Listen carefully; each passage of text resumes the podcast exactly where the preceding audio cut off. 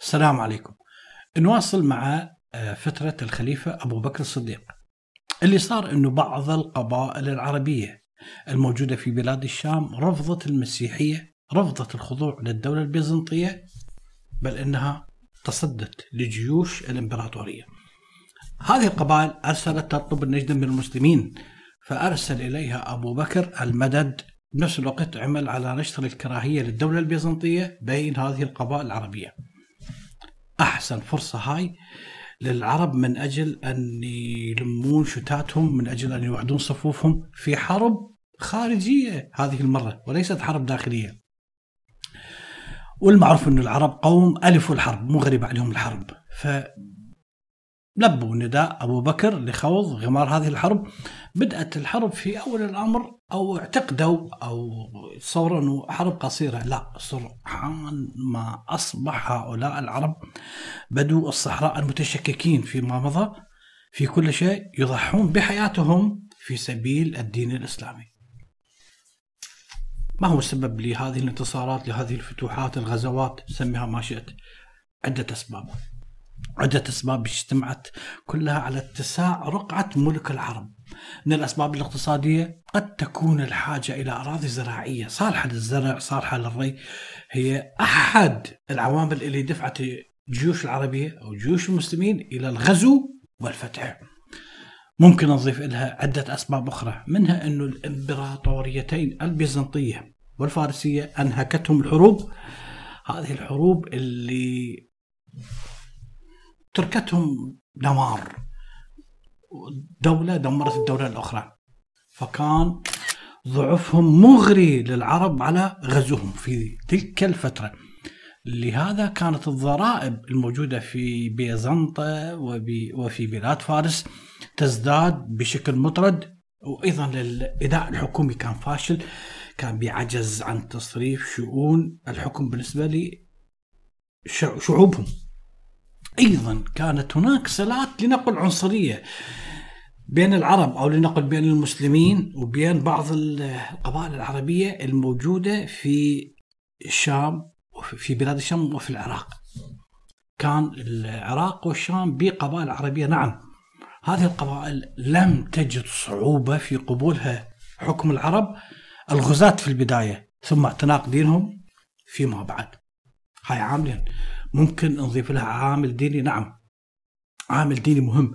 هو أنه بيزنطة المسيحية كانت تضطهد المسيحيين اللي عاقبة والنساطرة وتضطهد جميع المذاهب المسيحية ما عدا المذهب الرسمي للدولة لنقل فهؤلاء احتفظوا بكراهية كبيرة لهذه الإمبراطورية الموجودين سواء سوريا مصر بل حتى كثير من الحاميات حاميات الإمبراطورية الرومانية كانوا يكونون العداء هم مسيحيين كانوا يكونون الإمبراطورية.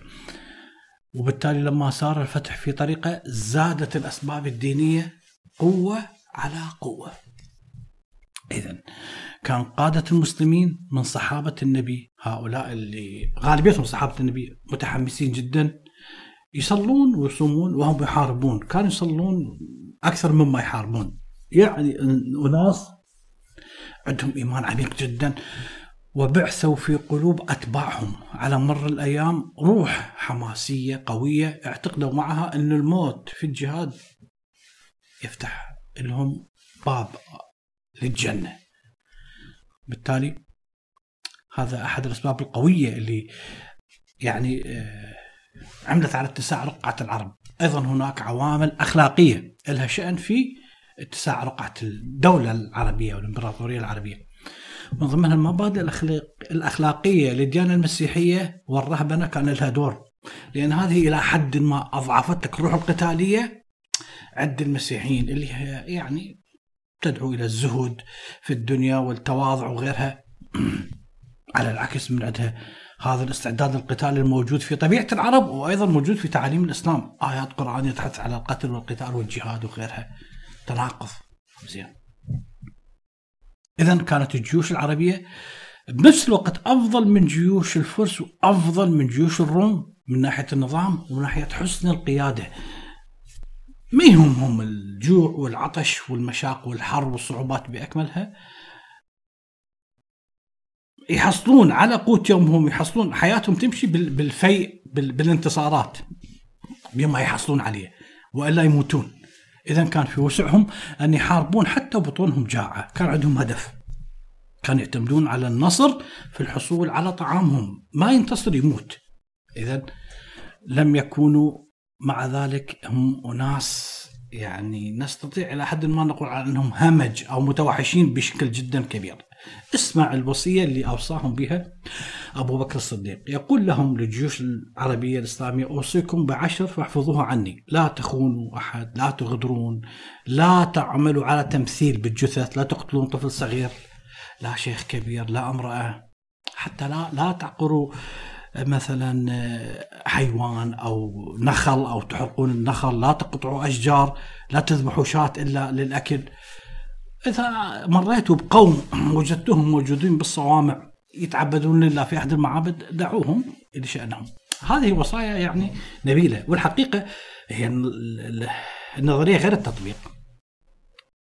يعني حتى الآن الجيوش الموجودة الآن في 2022 رغم الكاميرات والتصوير والإعلام واتفاقيه جنيف للاسرى وغيرها و الجيوش تفعل ما يحلو لها الآن يعني بروسيا وكرواتيا انظر ما الذي يقوم به الروس مثلا أو في أي حرب حتى أمريكا وبريطانيا وفرنسا لا هناك لحد اليوم انتهاكات التقيس قبل 1400 سنة.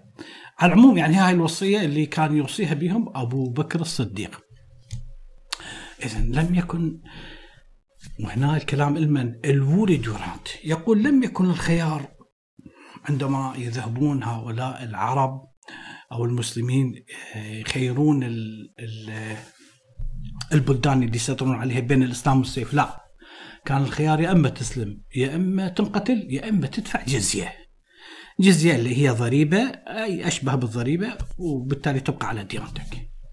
نعم هناك سبب أخير لتلك الغزوات أو الفتوح ما هو؟ إنه ضاعفت عدد الجيوش العربية. هذه الجيوش الظافرة. لأنه دائما في كل انتصار ينضمون لها مقاتلين جدد إذا كان لابد من الزحف إلى أراضي جديدة من أجل إيجاد يعني هؤلاء يحصلون على طعامهم، هؤلاء يحتاجون إلى أجور وغير ذلك من الأسباب يعني يعني حتى هؤلاء أيضا يصبحون خطر على الدولة إذا بقوا في المدينة وما جاورها. نتذكر بالدولة العثمانية كان الجيش الانكشاري عندما يبقى في إسطنبول أو كذا لا يوجد شيء فيقوم بقتل السلطان من أجل أن يأتي سلطان جديد ويوزع لهم مكافآت، خطر خطر على الدولة. لذلك عمر بن الخطاب كان يعرف دواهم. يعرفهم يعني الغالبيه العظمى من عندهم ناس بلا أخلاق يعني ما يتورعون عن أي شيء. فكان يدفع بهم للفتوحات، اللي يموت للجنة. منقل الجهنم اللي يموت للجنة واللي يعيش هو يقضي طول عمره بالفتوحات.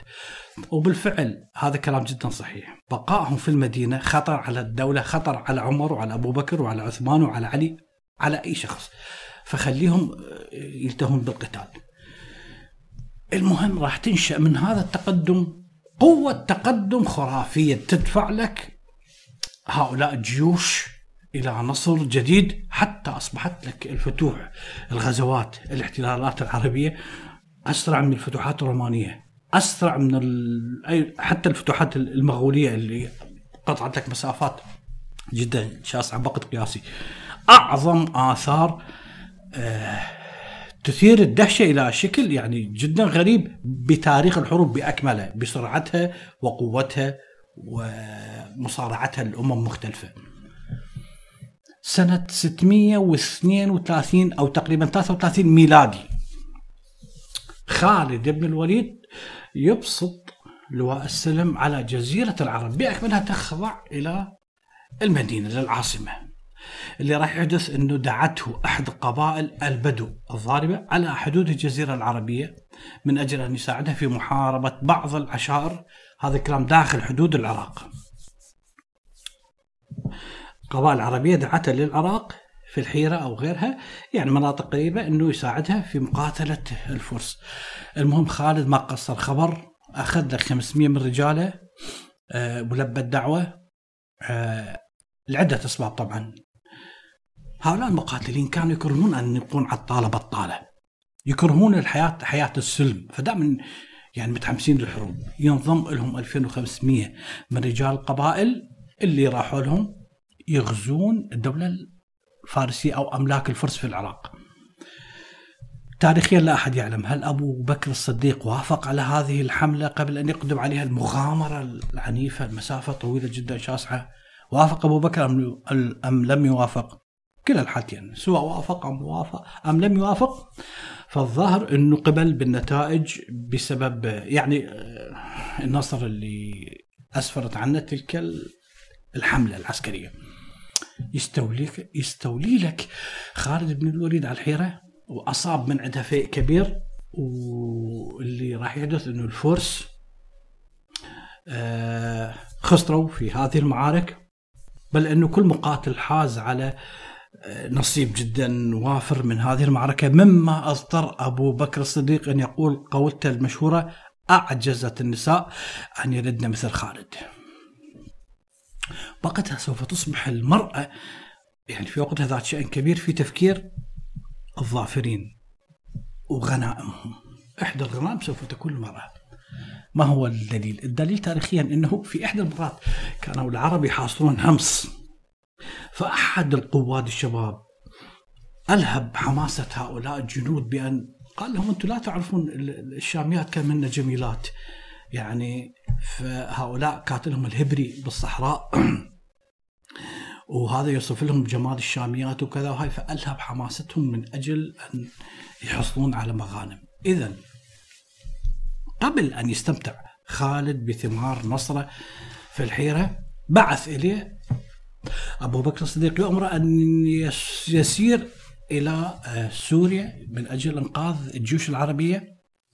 أو إنقاذ العرب اللي يتهددهم جيش من الروم. أكثر من عندهم عدد. الكلام هذا بالقرب من دمشق. ومؤكد إنه بين الحيرة وبين دمشق مسافة جدا طويلة. صحراء قاحلة جدبة خالية من كل موارد زراعية أو مالية. ما مائية. لا لا يوجد بها مياه أصلا. يجمع لك خالد بن الوليد الإبل يسقيها الماء بكثرة. كان الجند بهالحالة عندما يسيرون يعطشون يقتلون أو يذبحون أحد الأباعر الإبل يشربون ميها ويسقون خيولهم من لبنها. وما إن وصلت هذه الجيوش العربية من الحيرة إلى آه، المعسكر على ضفاف نهر اليرموك اللي يبعد 60 كيلومتر جنوب شرق دمشق كانت المؤن نفذت من جيش خالد بن الوليد. تحدث هناك معركة عظيمة. يقول المؤرخون العرب هزم أربعين ألف عربي 240 ألف رومي. لا هناك من يقول هزم 25 ألف عربي 50 ألف رومي. أيا كانت هذه المعارك ممكن اعتبارها معركة فاصلة بالتاريخ بأكمله. هذا الكلام سنة 634 ميلادي. وهكذا قامر الإمبراطور هرقل ببلاد الشام كلها في معركة واحدة خسرها. فلما خسرها أصبحت دمشق أصبحت بلاد الشام بأكملها قاعدة للدولة العربية التي سوف تتمدد وتتسع إلى حدود بعيدة. إذا بينما كان خالد يقود جيشه إلى النصر في هذه المعركة راح توصل رسالة. هذه الرسالة تخبر بوفاة أبي بكر الصديق. يأمره فيها الخليفة الجديد عمر بن الخطاب بأن يتخلى عن القيادة ويكون القائد بدل أبو عبيدة بن الجراح. خالد بن الوليد يخفي الرسالة عن المسلمين حتى لا تتهدم معنوياتهم حتى تنتهي المعركة. ننتهي من الخليفة أبو بكر الصديق يتوفى ويأتي عمر بن الخطاب للخلافة. الآن موضوعنا عمر بن الخطاب. عمر بن الخطاب أكبر معين معين ليس معين معين ووزير ومساند لأبي بكر الصديق أعظم مستشاريه كان قد بلغ من الشهرة لدرجة أنه عندما أبو بكر الصديق يعني جعل هو الخليفة من بعده لم يجر أحد من المسلمين على أن يعارض هذا الأمر. عمر نفسه كان يختلف في صفاته اختلاف جذري عن أبي بكر الصديق عن صاحبه وصديق عمره و اختلاف جذري. لكن آه، يعني اختلافات حتى على مستوى الجسد. كان طويل القامة يصفه عريض المنكبين. كان طبعه حاد شديد الانفعال. ما يتفق مع أبو بكر إلا انه اثنينهم يتصمون بالبساطة أو التقشف. واثنينهم أيضا كانوا يعني أصلع الرأس وكانوا يصبغون لحيتهم. عمر بن الخطاب عاش فترة طويلة وعاصر أحداث طويلة وكثيرة ورهيبة. هذه باكمل صقلته. فجعلته يعني عقليا ناضج. هذه تبعت باكملها فجعلته يعني فد مزيج عجيب غريب من حدة الطبع ومن القدرة على الحكم بشكل هادئ وصادق بنفس الوقت. والحقيقة توجد قصص كثيرة كثيرة جدا عن عمر بن الخطاب. يحكى أنه في عدة مرات ضرب بدوي من غير وجه حق. ثم ألح على هذا البدوي أن يضربه كما ضربه يعني إلى هذه الدرجة. يحكى أيضا أنه كان شديد التمسك بالدين بحيث كان يطلب إلى كل مسلم أن لا يحيد عن الشعار الدينية قيد شعره لا يحيد عن الفضائل أبدا. كان عمر بن الخطاب كما يحكي المؤرخون يحمل معه صوت وهو يمشي. فاللي يراه أنه يخالف آه، الأخلاق الإسلامية أو خارج عن أصول الدين يصمت بصوت واحد. ويعني هذا الأمر كان عنده تقول بعض الروايات أنه أصلا ضرب ابنه بالصوت آه، حتى مات. يعني أقام عليه الحد لأن أحد أبنائه أعتقد اسمه عبيد الله مو عبد الله. إذا لم أكن مخطئ عبيد الله كان يشرب خمر فأقام عليه الحد. يعني أكثر من المطلوب أقام عليه الحد ومات. مع ذلك يقول المؤرخ المسلمين إنه لم يكن عنده إلا قميص واحد وجلباب واحد كان يرقع به عده مرات وإنه كان يعيش على التمر وخبز الشعير ولا يشرب غير الماء. وإنه كان ينام على سرير من جليد النخل. كان كل همه منصرف إلى نشر الإسلام بالقوة وبالسلم. بالحرب وبالسلم. يقال أيضا تاريخيا إنه أحد ولاة الفرس أتى من أجل أن يعرض على عمر بن الخطاب الولاء فوجد وجد هذا فاتح الشرق العظيم نائم على عتبة جامع المدينة. طبعا لا أحد يستطيع أن يجزم بهذه القصص الكثيرة يعني للعلم. مع ذلك كان السبب اللي من أجله عزل عمر بن الخطاب خالد بن الوليد من القيادة أنه خالد بن الوليد كثيرا ما لوث شجاعته وبسالته بقسوته. والحقيقة أنه خالد بن الوليد ما ذهب في معركة إذا ما سوى له طلابة أو مصيبة أو آه، فد أمر لا أخلاقي. مثلا مالك بن النويرة اللي قتله وتزوج زوجته ثاني يوم. آه، هذه الأمور لا يمكن أن تتبرر. هي شوكة في عين المسلمين شوكة في عين كل من يحاول أن يبرر لهذه الأمور. ف عمر بن الخطاب وقتها قال لأرجمنه بأحجاره. أقيم عليه الحد. أبو بكر الصديق قال لا سيف آه، يعني بما معناه رفعه الله أو كيف المهم اختلفوا. والحقيقة هنا عمر بن الخطاب يتحدث من منظور ديني أنه رجل قتل إنسان بالليل هو أمنه يعني كان نايم معه فقتله و تزوج زوجته. هذا شيء باطل. عمر بن الخطاب كان يتكلم من منظور ديني. أبو بكر الصديق كان يتكلم من منظور دولة. يعني خلي نفسك أنت مكانهم إذا تريد تطبق الشريعة الإسلامية خالد ينقتل لكن أنت بدولة وعندك حروب. وهذا يعادل لك رومل ويعادل أيزنهاور. يعني بالفعل خالد بن الوليد آه، قائد مهين في تلك الفترة. حتى في عهد النبي أيضا ارتكب مجازر باليمن. بحيث الرسول محمد رفع يده وقال اللهم إني أبرأ إليك مما فعل خالد. تاريخ الطبري الجزء الثاني. هذا الكلام عن خالد. مع ذلك خالد بن الوليد عندما اتاه كتاب عمر بن الخطاب لذلك عمر بن الخطاب يكره خالد بن الوليد بسبب هذا الاسفاف في القتل والكذا. هو قائد عظيم نعم لكن لا أخلاقي. مع ذلك خالد وضع نفسه تحت تصرف أبو عبيدة بن الجراح بدون قيد ولا شرط.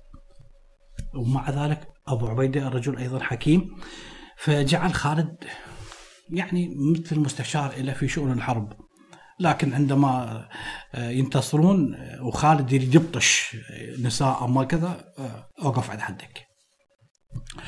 وهذا هو تاريخ العرب. العرب كانوا فرسان مهرة يقول المؤرخين إنهم لا يضارعهم في مهارتهم بالقتال وكذا لا الروم ولا الفرس لا لم يكن في في أوائل العصور الوسطى ابدا لا إنسان ولا حيوان يستطيع أن يقاوم صيحاتهم الحربية العجيبة، حركاتهم العسكرية التي ليس لها مثيل، سرعة كرهم وفرهم. العرب يعني بشجاعة ادمناك. لذلك كانوا يحرصون على أن يقومون باختيار النزال في أراضي منبسطة لأن هي طبيعتهم، أراضي مستوية اللي توائم من؟ توائم حركات الفرسان. وانتصارات عظيمة آه، سوف تكون على يد العرب يستولون على أنطاكيا سنة 636 ميلادي. يستولون على بيت المقدس 638 لم ينتهي سنة 640 حتى كانت بلاد الشام بأكملها في أيدي المسلمين العرب.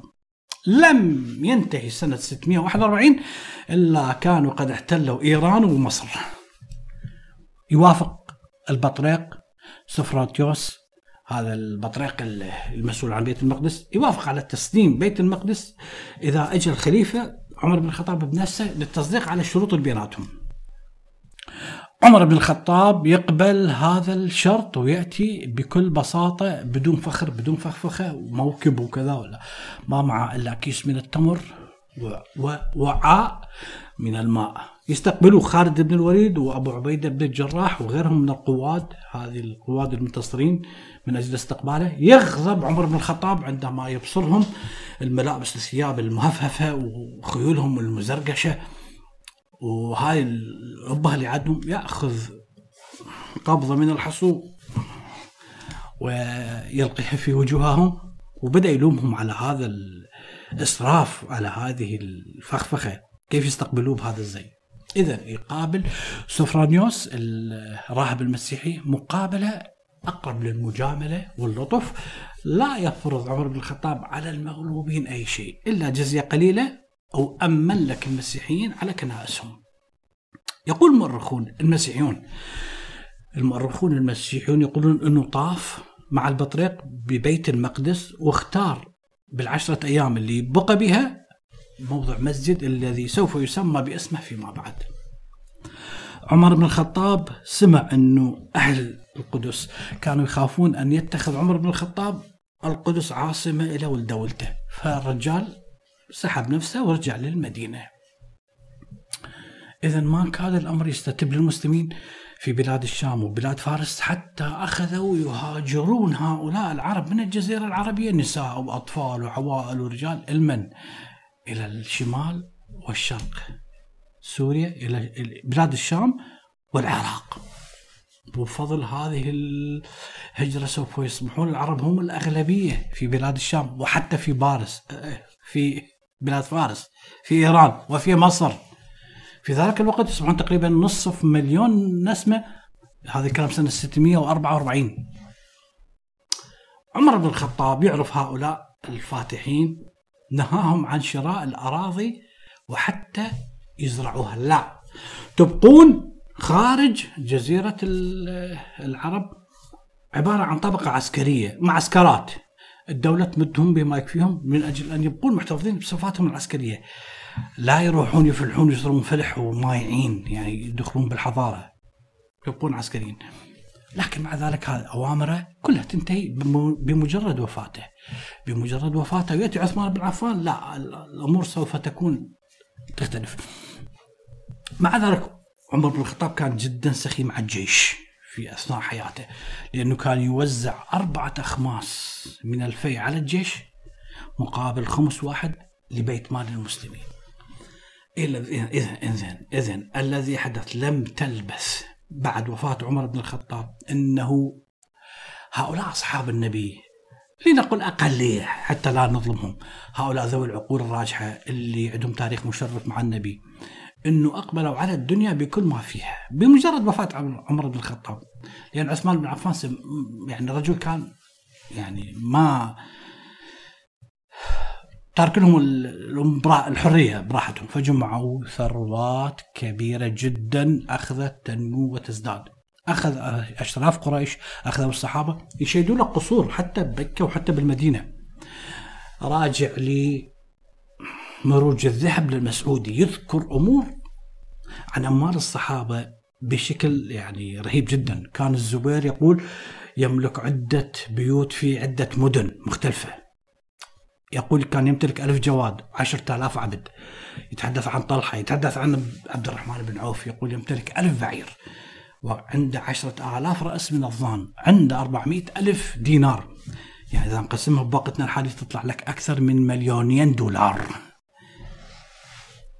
راجع آه، مروج الذهب المسعودي. عمر بن الخطاب كان حابس الصحابة لنقل الستندر بالمدينة ما يخليهم يطلعون لأن يعرفون بس يطلعون راح باسم الدين يعني يستبدون. يعني فكان يخاف منهم ويخاف عليهم. لذلك ما كان يسمح لهم إنه يبقون يمه. لكن عندما خرجوا بعهد عثمان لا سلم لي. المهم مولى فارسي أبو فيروز أبو لؤلؤ أبو فيروز. المهم يطعن عمر بن الخطاب في المسجد سنة 644 عمر بن الخطاب على فراش الموت يحدد ستة أشخاص. علي علي عثمان طلحة الزبير عبد الرحمن بن عوف سعد بن أبي وقاص. هؤلاء الستة يجتمعون ويختارون خليفة من عندهم. يبقون هذه هؤلاء الستة ثلاثة ثم يختارون عثمان بن عفان اللي هو موضوع حلقتنا القادمة. شكرا لكم.